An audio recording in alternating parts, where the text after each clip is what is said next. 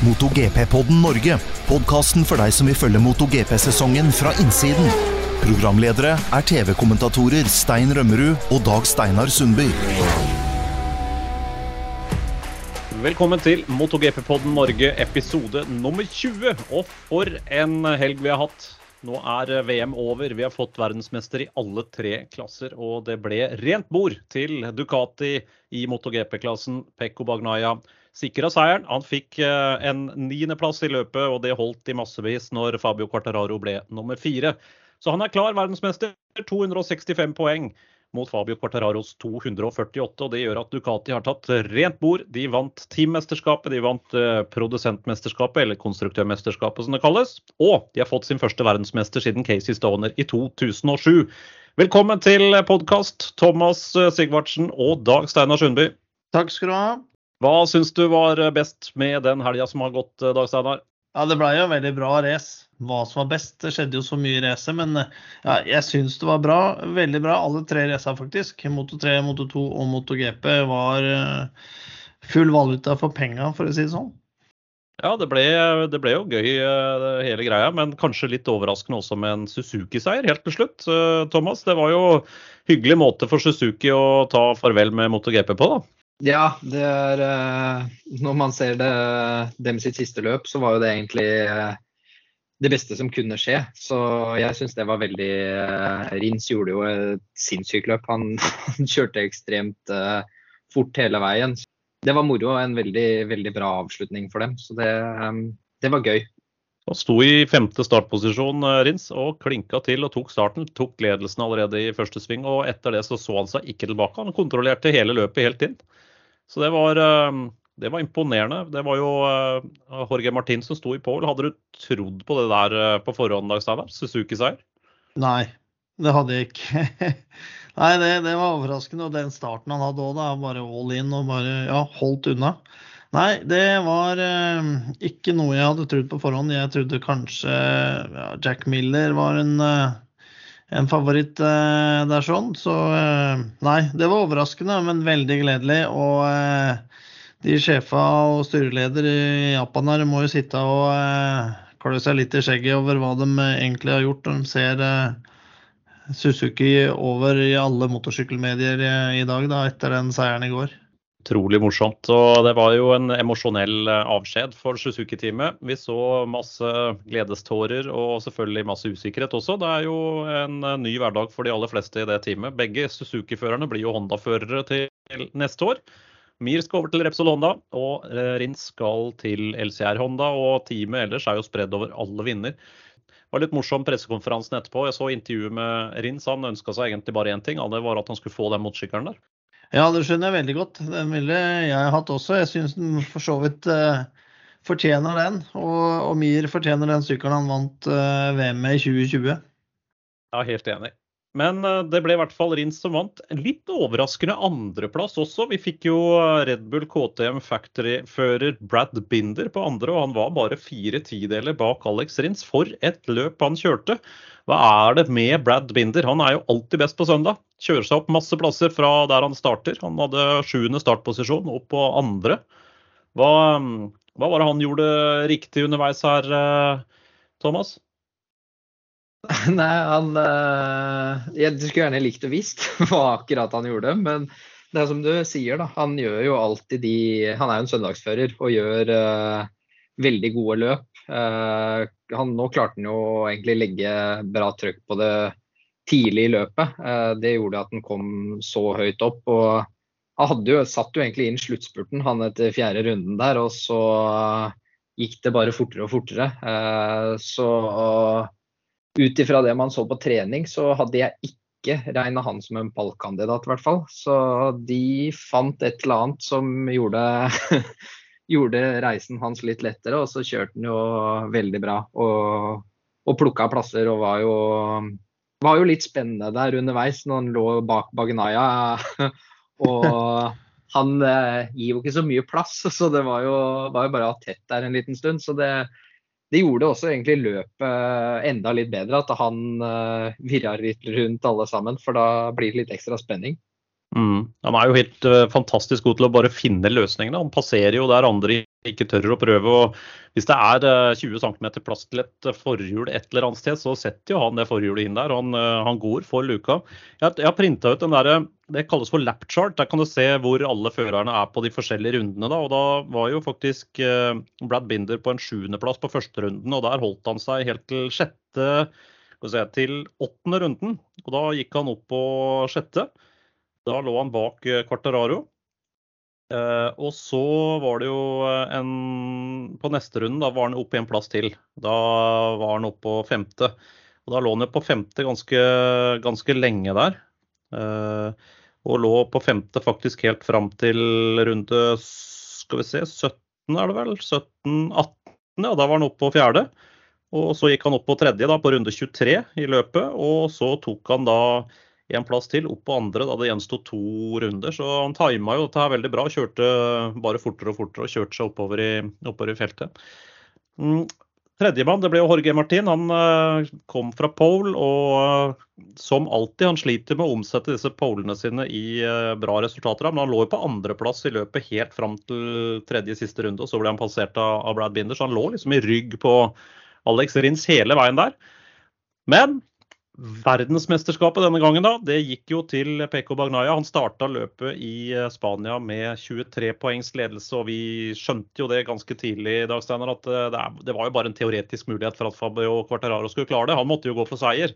Ja. Mens, uh, mens Peko Bagnaya måtte da bli 15 eller dårligere, og det visste jo Bagnaya. Han kjørte jo et, ja, han kjørte jo et safe løp, selv om det ble litt knuffing på førsterunden der. Ja, det ble nok litt heitere enn det en hadde satt pris på. egentlig sånn. Da. Og eh, det ble jo tett. og Valencia er jo tett og teknisk eh, bane. Så når da de dytter litt sånn eh, på hverandre der, og, og Miller går på inneren av, av Quartararo, han vil tilbake igjen på racelinja, og der er Bagnaya. Så da ble det jo en vinglets mindre, som påvirka altså, hvordan sykkelen var å kjøre for Bagnaya resten av racet. Så han var jo og han hadde jo vært stressa. Han sa jo det hadde jo vært et av hans verste race å kjøre, liksom. Og det skjønner han jo når det, det Han veit at eh, jeg må komme i mål og ha noe poeng for å være sikker, liksom. Uansett. Så eh, det føler nok sånn at han vil, han vil nok tror han hadde ambisjoner om å liksom være topp fem, Bagnaya der. Han veit aldri hva som skjer foran, selv om de andre stikker av. Så ja, med med Rins og Binder og Martin også der i full fight i fronten, så veit en jo Det er jo racing, veit aldri hva som kan skje, da. Selv om mm. alle oddsa var jo på, på Bagnaya at han skulle ta dette hjem, da. Klarte da til slutt en uh, niendeplass i løpet med en uh, motorsykkel som ikke var helt optimal. Han, uh, som du sa, han slo jo Fikk jo slått av den ene vingleten, eller sidepodden som de kaller det. Det er den uh, vingen som sitter litt uh, midt nedpå kåpa der. og Det gir visstnok en ganske stor forskjell, fordi det er en del marktrykk som skapes av de vingene der. og Når du får det bare på den ene sida, så får du dårligere balanse på sykkelen også. Uh, og visstnok litt mer ustabil front. Men han sikra seg en niendeplass. Han kom i mål 14,4 sekunder bak Alex Rins og ca. 7 sekunder bak Quarteraro. Han fikk jo sekundering hele veien. Og da var det klart. Det ble kjempefeiring. Historisk øyeblikk. Det er jo 50 år siden forrige gang en italiensk fører vant VM på en italiensk sykkel. Da var det Giancomo Agostini på en MV Augusta i 1972, så det var jo på tide. Og det er også 15 år siden forrige gang Ducati tok uh, førertittelen med Casey Stoner 2007. Stor dag og masse emosjoner. Det var på med røde parykker, og det var uh, full sprut med Proseccoen inne i, um, i pitboksen der. Hvor mye betyr en sånn seier som det her for, uh, for Ducati, tror du, Thomas? Så mye de har lagt i det nå i år. For det er klart nå de stiller med åtte sykler. De, de har på en måte nå gått all in. Hvis de ikke hadde klart det nå i år, da, da tror jeg det hadde vært lenge til uh, de hadde fått det til. Så det, de hadde et helt klart mål før sesongen i år, og det var å ta, ta det føre-VM-et. Eh, konstruktør, nå gjorde de jo rent bord, som du sa, og det, det også er jo en sterk prestasjon. Så de, de har jo vært ekstremt flinke i år og lagd en sykkel som fungerer ekstremt bra. Uh, fått kanskje jevna ut litt i Før hadde Ducati litt mer noen veldig store pluss og så en del negativt, som gjorde det vanskelig gjennom hele sesongen. Men nå, nå har de hatt en ekstremt bra pakke. og summa seg jo veldig bra.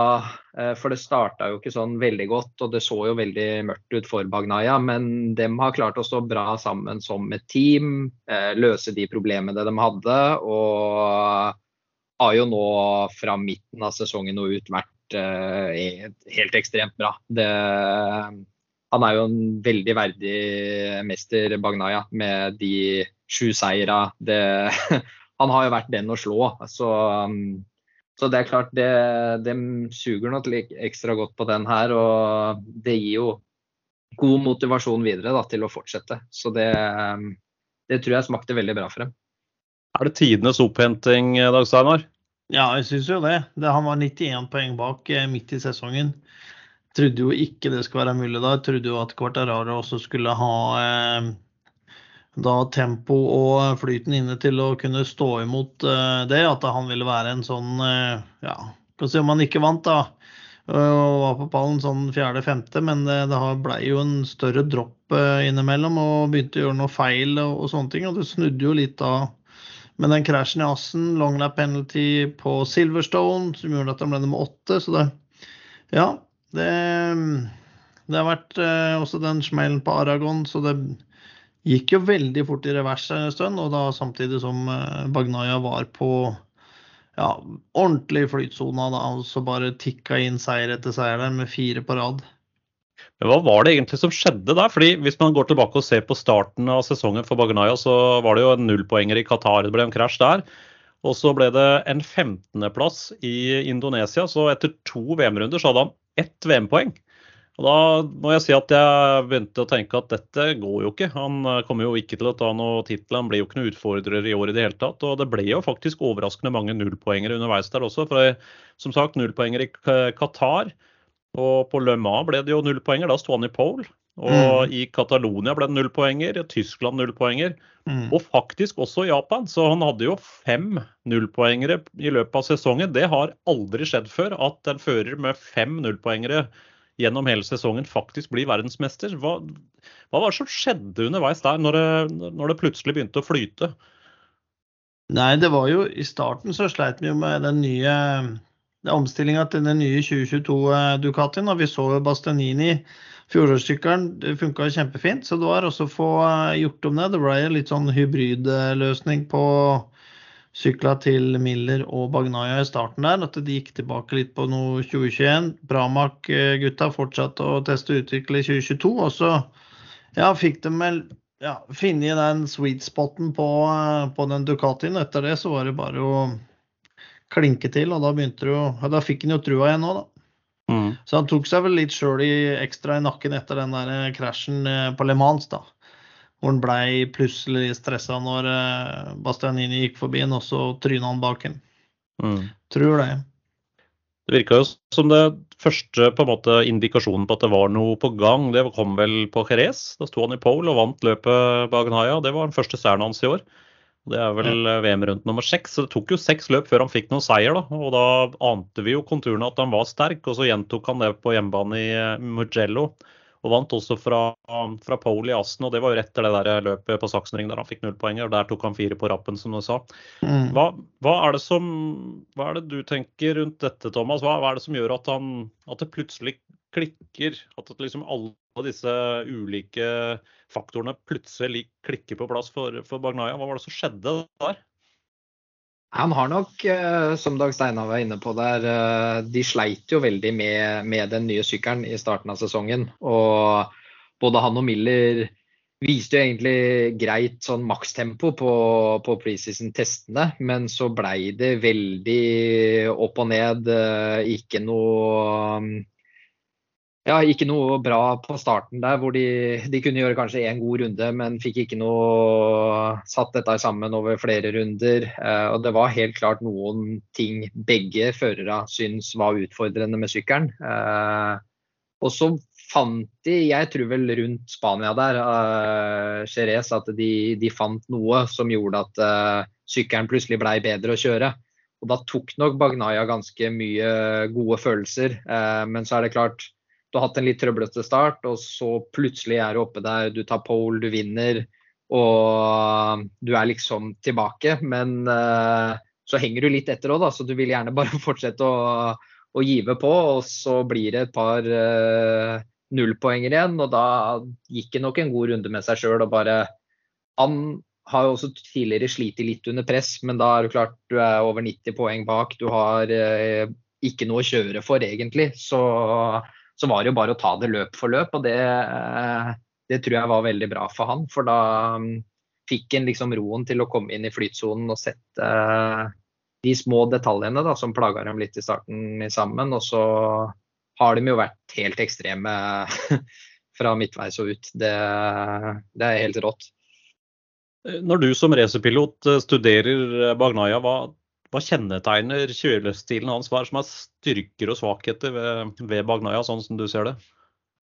Jeg syns det er veldig lett å se Bagnaya når han er komfortabel og når han er ukomfortabel. Uh, han har jo en veldig han har ikke noe sånn X-faktor, syns jeg, med, med, kjøringa si. Uh, sånn Altså, du ser noen er uh, helt på tverra inn, noen har mye spinn ut, henger masse av. Altså, han, han er litt mer sånn Har litt av alt, men, men han er jo en maskin når han er er liksom, har kontroll over situasjonen. Og han kan legge inn runder. og da Det er litt sånn vi så Lorenzo når han holdt på, at han bare kunne banke inn runder. og Bagnaya og nå i år har vært veldig flink til å sette gode runder helt fra starten. Det er noe som jeg syns er litt annerledes med han nå i år. og og da, ja, det å sette det trøkket fra første runden og kjøre så etter klokka resten av løpet, det, det er kanskje det jeg beundrer mest når jeg ser på. Eh, for det,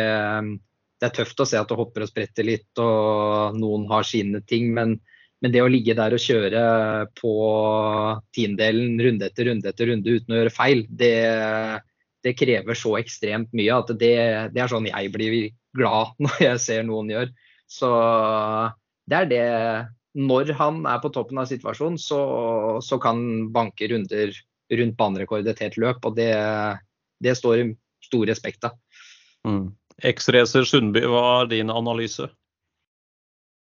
Ja, nei, men det er litt det samme som Thomas sier. Eh, enig det er sånn at han eh, Sånn som Bagnaya, han Ja, det må også stemme, da. At han må få føle at det, det fungerer. Du ser det ganske, ganske tidlig. Han har blitt flinkere når han eh, kan si, starter litt bakpå på fredag, så har han blitt vesentlig flinkere til å komme seg opp igjennom eh, og forbedre seg gjennom helga. Det var han kanskje ikke så bra på før. Så, nei, så han har jo hatt Når han fikk sykkelen til å fungere, så eh, har han jo hatt pakka i, i, i, hele år. Og så har det vært noen sånne litt rare feil, var tilbakefall, hvis vi kan kalle det som vi også så da i, eh, i Japan. ja, men hvis Sånn som vi snakka med Ducati nå, det er utover sesongen. og Det var jo samme med Miller. Sleit også med, med chassis og sykkelen. og Han hadde jo en 14. og en 15. plass på Mugello og Catalunya. Så hadde de den testen som Ducati hadde på Catalunya. Og det var jo også etter det det virkelig dro i veien, liksom.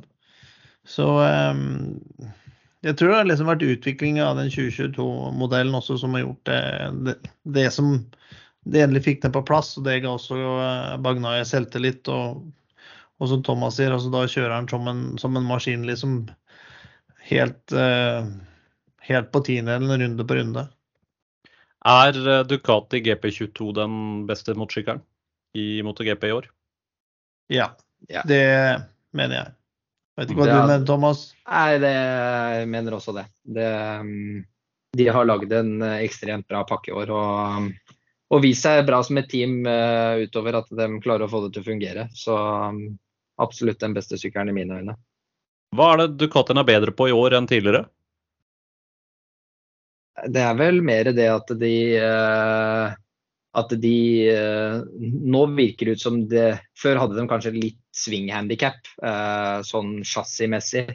Nå, nå, klarer de å prestere på de banene hvor det ikke bare er liksom akselerasjon. Uh, som var Det har vært en sykkel som har vært god på akselerasjon, og den har vært bra på brems, men nå har de på en måte fått litt mer kurvehastighet eh, og, og sydd sammen hele, hele kurven, på en måte. Så det, og det virker ut som balansen i sykkelen, uh, at den, den er ålreit å kjøre uh, for førere. Så det, det er, de har treffet bra på alle punkter, egentlig, synes jeg.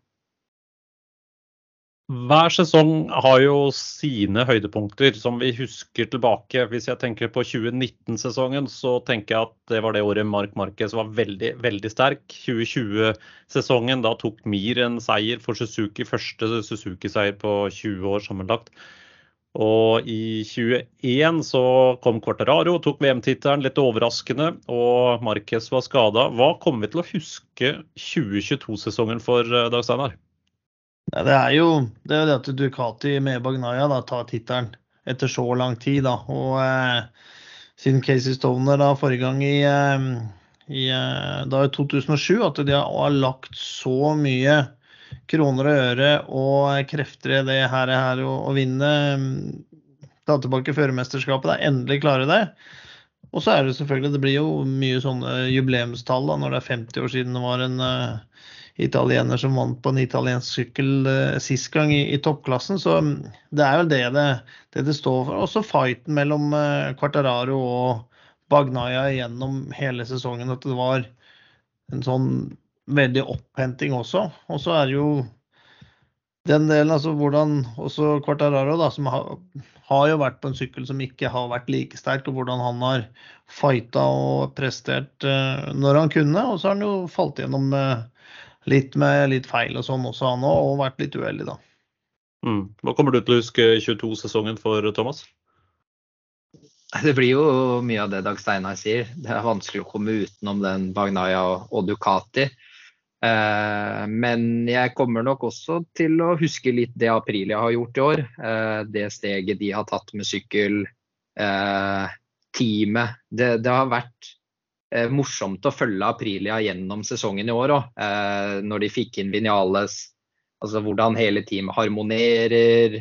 Eh, og den, spesielt den sesongstarten de hadde, da det at vi skulle sitte og prate om at Spargaro var en av de som fighta om VM, det var jeg liksom ikke helt med på før sesongen. Så den Jeg kommer nok til å huske litt uh, det også, det året her. Det, for det, det, har vært veldig moro å følge dem. Mm. Jeg kommer hvor... også til å huske at Suzuki bestemte seg for å gi seg som en eh, sjokknyhet uh, tidlig i sesongen. Det kommer jeg også til å huske, at uh, det skjedde i 2022. Ja, og som jeg skulle spørre Thomas om, det må jo også vært litt spesielt da, å ikke bare se på MotoGP, men også samtidig snakke. Det må også vært litt forskjell fra tidligere sesonger?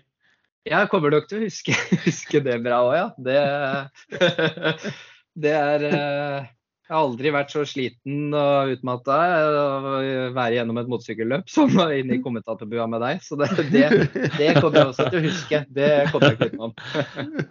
Ja, det er beinhardt. Det veit jeg alt om. Ja, ja, dere har det ikke lett, gutter. Men litt tilbake til VM-tabellen. Vi har jo snakka om eh, Bagnaya og vi har snakka om den fighten som har vært underveis der. Men hva var det som gikk gærent for Fabio Quartararo, som ble nummer to.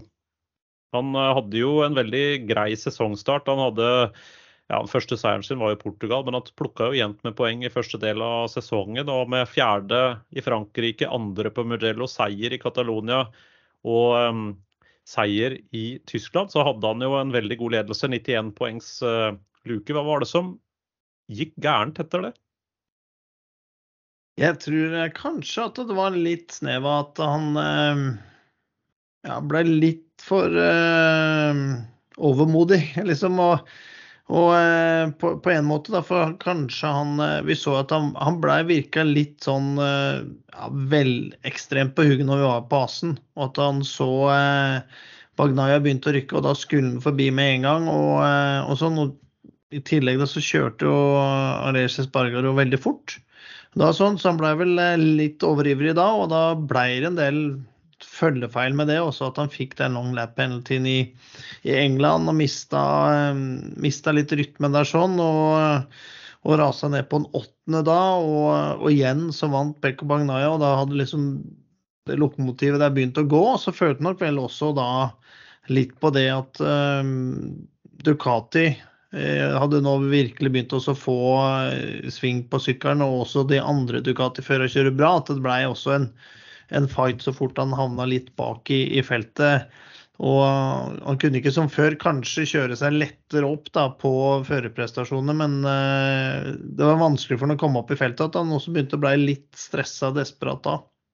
Mm. Vi har snakka om det flere ganger i sendingene også, dette fenomenet for Yamaha. At de har litt andre spor enn særlig Ducati. da. Ducati er jo litt sånn V-form på sporet i svinga, der de bremser dypt inn, snur og skyter ut igjen. Mens eh, Yamaha kanskje har litt rundere spor, høyere kurvehastighet. Og det er klart Hvis du da ligger bak en fører som har en helt annen motorsykkel, en helt annen kjørestil, så bryter du også flyten og rytmen og kanskje styrken til Yamaha. Da. De har vært gode på kurvehastighet og edge grip hele veien. og ser jo det, Vi så det vel for så vidt også litt i løpet i går, at når han først fikk litt fri asfalt foran seg, så da kjører han fort. Han kjørte veldig fort på den opphentinga opp mot fjerdeplassen der, da han hadde en liten periode på en tre-fire runder uten trafikk foran.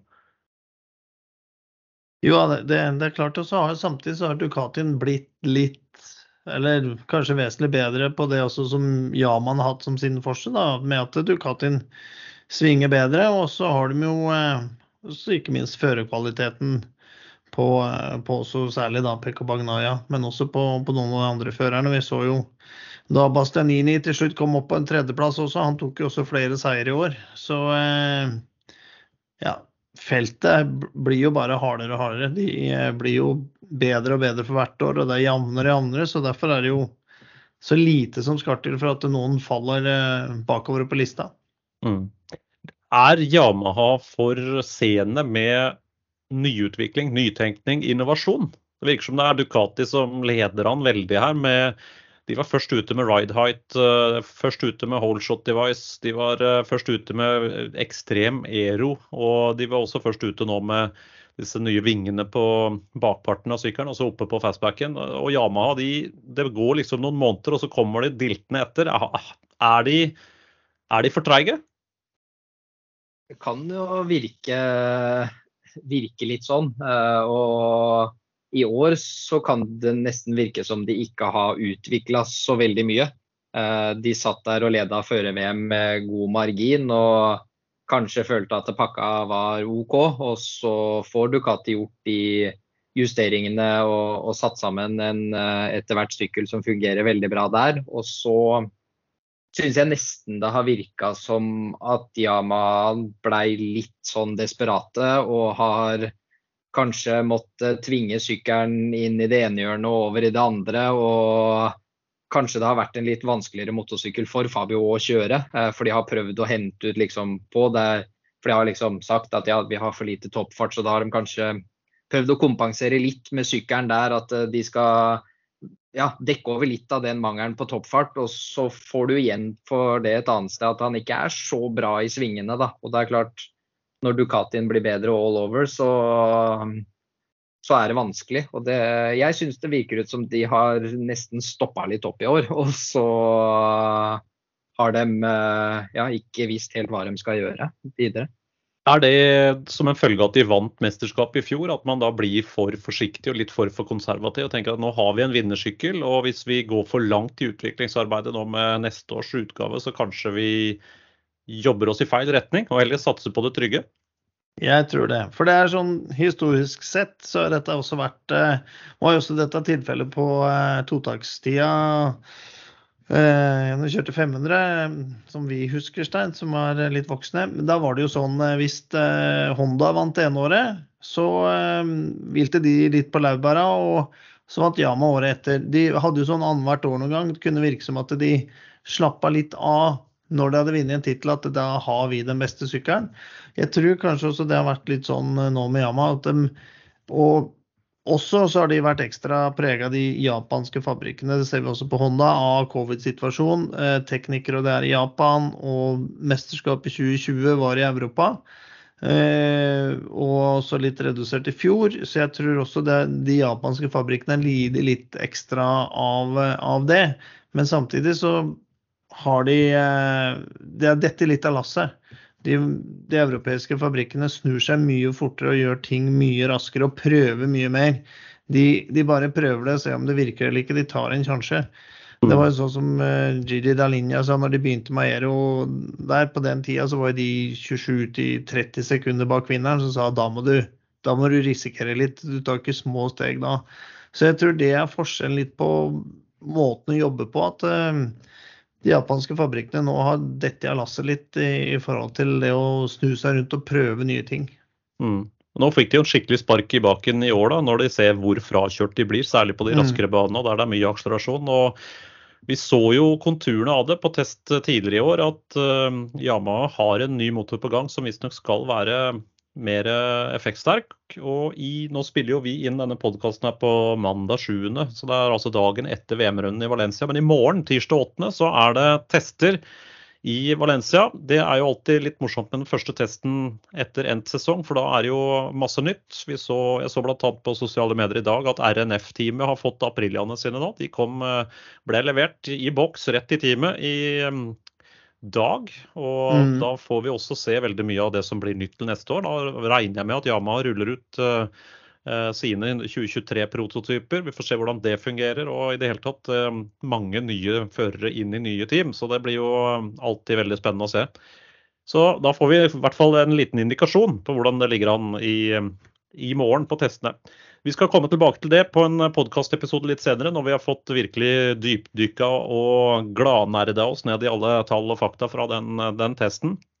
Men før vi går videre, vi skal jo også snakke ørlite grann om Moto 2-mesterskapet. fordi der fikk vi også endelig en avgjørelse. Det var jo åpent helt fram til, til slutten her. Nå er vi jo så heldige da, at vi har med oss en Moto 2-fører på podkasten i dag. Thomas, du uh, har jo banka og kjørt Calex i Spania, så du eh, vet jo litt om hva det dreier seg om. Jeg regner med at du har kjørt Calex på Valencia også? Jeg har det. Så hva, så... hva sitter du igjen med etter det Moto 2-løpet uh, i går? Nei, uh, jeg sitter egentlig igjen med at det var en veldig bra helg fra første treninga i i Moto 2, for de uh, har kjørt ekstremt fort uh, hele helga. De rundetidene de har, uh, har gjort, det har vært ja, helt sinnssyke. Så um, det blei jo ja, litt Litt som jeg hadde forventa. Sånn jeg, jeg, trodde Augusto kom til å, å ta det her. for det, det, var vanskelig jobb for for Ogura. Men eh, det blei jo spennende, det løpet. Augusto var nok eh, litt, eh, litt nervøs på starten av løpet der. Og, og, det er klart, når det begynner å bli liksom halvannet poeng, to og et halvt poeng som ligger og skiller, så, så blei det veldig spennende. Men det var et veldig bra løp. Det var synd at uh, Ogura gikk i, i, T8 der. Uh, litt for tidlig, egentlig. Men, uh, men løpet fram til det var ekstremt spennende. Og, og som sagt, de kjørte ekstremt fort. Så um, jeg syns Augusto gjorde en veldig bra jobb det løpet der. Og du så litt når Ogura krasja, så tok han plutselig og la inn et gir til. Da kunne han på en måte risikere litt. og og vise at han er en, eh, en verdensmester. Så da, da, gikk det fort med de to Red Bull KTM-ene foran der. Så han kom på andreplass i løpet til slutt, og sikra dermed VM-tittelen. 271,5 poeng var fasiten. Og Ayo Gura ble da nummer to. Med den krasjen så var det jo ikke mulig for han å, å hente inn de 9,5 poengene han lå bak før starten i går. Tredjemann Aron Canet 200 poeng og Tony Arbolino på tredje 191,5. Så det ble eh, Augusto Fernandes som sikra seg VM-tittelen. Og dermed er han klar for eh, MotoGP-satsing til neste år. Så det blir gøy å følge hvordan, eh, hvordan det går. Det var vel det vi hadde tenkt å si fra Valencia og 2022. Det har vært en uh, veldig jevn, veldig spennende sesong. Og vi hadde mange overraskelser underveis. Og nå kan vi jo begynne å tenke litt på, på neste år. Vi, ehm, det går jo fort. Vinteren pleier å gå veldig fort. Fra vi er ferdig i Valencia til det braker løs igjen, Dag Steinar, så syns jeg hvert eneste år at vinteren bare blir kortere og kortere, og det er jo fint. Det er det. Det er litt med å bli eh, eldre, vet du, Stein, så blir, går tida fortere. tida flyr når en har det moro, pleier jeg å si. Ja, ja, det er en annen versjon. Ja, det er, ja, mer, det er litt mer positiv måte å se det på. Ja, nei, men det, det, er jo Nå har vi test nå, og så er du allerede i gang igjen i starten på februar. Da er det jo Mm. Sepang-test. Så det går jo veldig fort. Og eh, da er jo da er jo liksom MotoGP i gang igjen, selv om eh, løpet drør til ut i, ut i mars. Så, og neste år så får vi jo den lengste sesongen noensinne, da, med 21 helger og 42 løp med sprintløpet da, eh, for MotoGP-klassen. Så det blir, eh, det blir busy neste år, og ikke minst for teama. Og tenk på alt personell og, og, og sånne ting. Så det blir, eh, det blir en utfordring for eh, de som er involvert i, i den delen av sirkuset også. Jeg tenkte vi skal ta og vie en egen episode til det å snakke oss gjennom startfeltet i 2023, og hvem som kjører hvilket team og, og hvordan det der eh, blir. Det kan vi gjøre etter at vi har sett eh, testen i Valencia, for da har vi litt mer, å, eh, litt mer kjøtt på beinet også på hva som skjer der. Men det hele braker løs da siste helga i mars. Denne gangen så er det Portugal, Portimao, som er første VM-runde. Så går det slag i slag utover med bl.a. tre VM-runder i eh, april. Og det hele avsluttes den siste helga i november i Valencia. Så det er en sein VM-runde i Valencia. Så selv om vi ikke er for klimaendringene, så er det i hvert fall ting som tyder på at det blir litt varmere i november eh, enn vanlig. For det så vi jo denne helga. Vi får håpe da for racingen sin del at det er bra vær i slutten av november til neste år også. For eh, Thomas, dere, når du kjørte Moto 2, så pleide dere å ha avslutningene etter MotoGP-finalen. Hadde dere ikke det på Valencia? Nei, stort sett helga før. Å ja. Det var sånn det var. Eh, ja, så det var vel de to første åra kanskje jeg kjørte. Da var vi, der, eh, var vi der etter, for da var vi der når de testa. Eh, men så de siste åra jeg kjørte, så var vi var det helgen før, og det var jo det samme nå. Eh, Mm. Så Sena August, som kjørte for Sam Lowe nå, han kjørte jo løp på Valencia forrige helg. Ja. Så, men det pleier jo, pleier jo å bli litt uh, utfordringer på den banen med, med litt kaldere, kaldere vær. Så i helga var det jo veldig bra. Det Mm. var jo sånn vi vil ha en finale med sol og god varme hele helga. Mm. Ja, det var mer enn 30 grader i asfalten, så det var ikke mye å klage over. Nei, det var veldig bra. Hva blir, eh, hva blir det for deg til neste år, eh, Thomas? Blir det noe racing?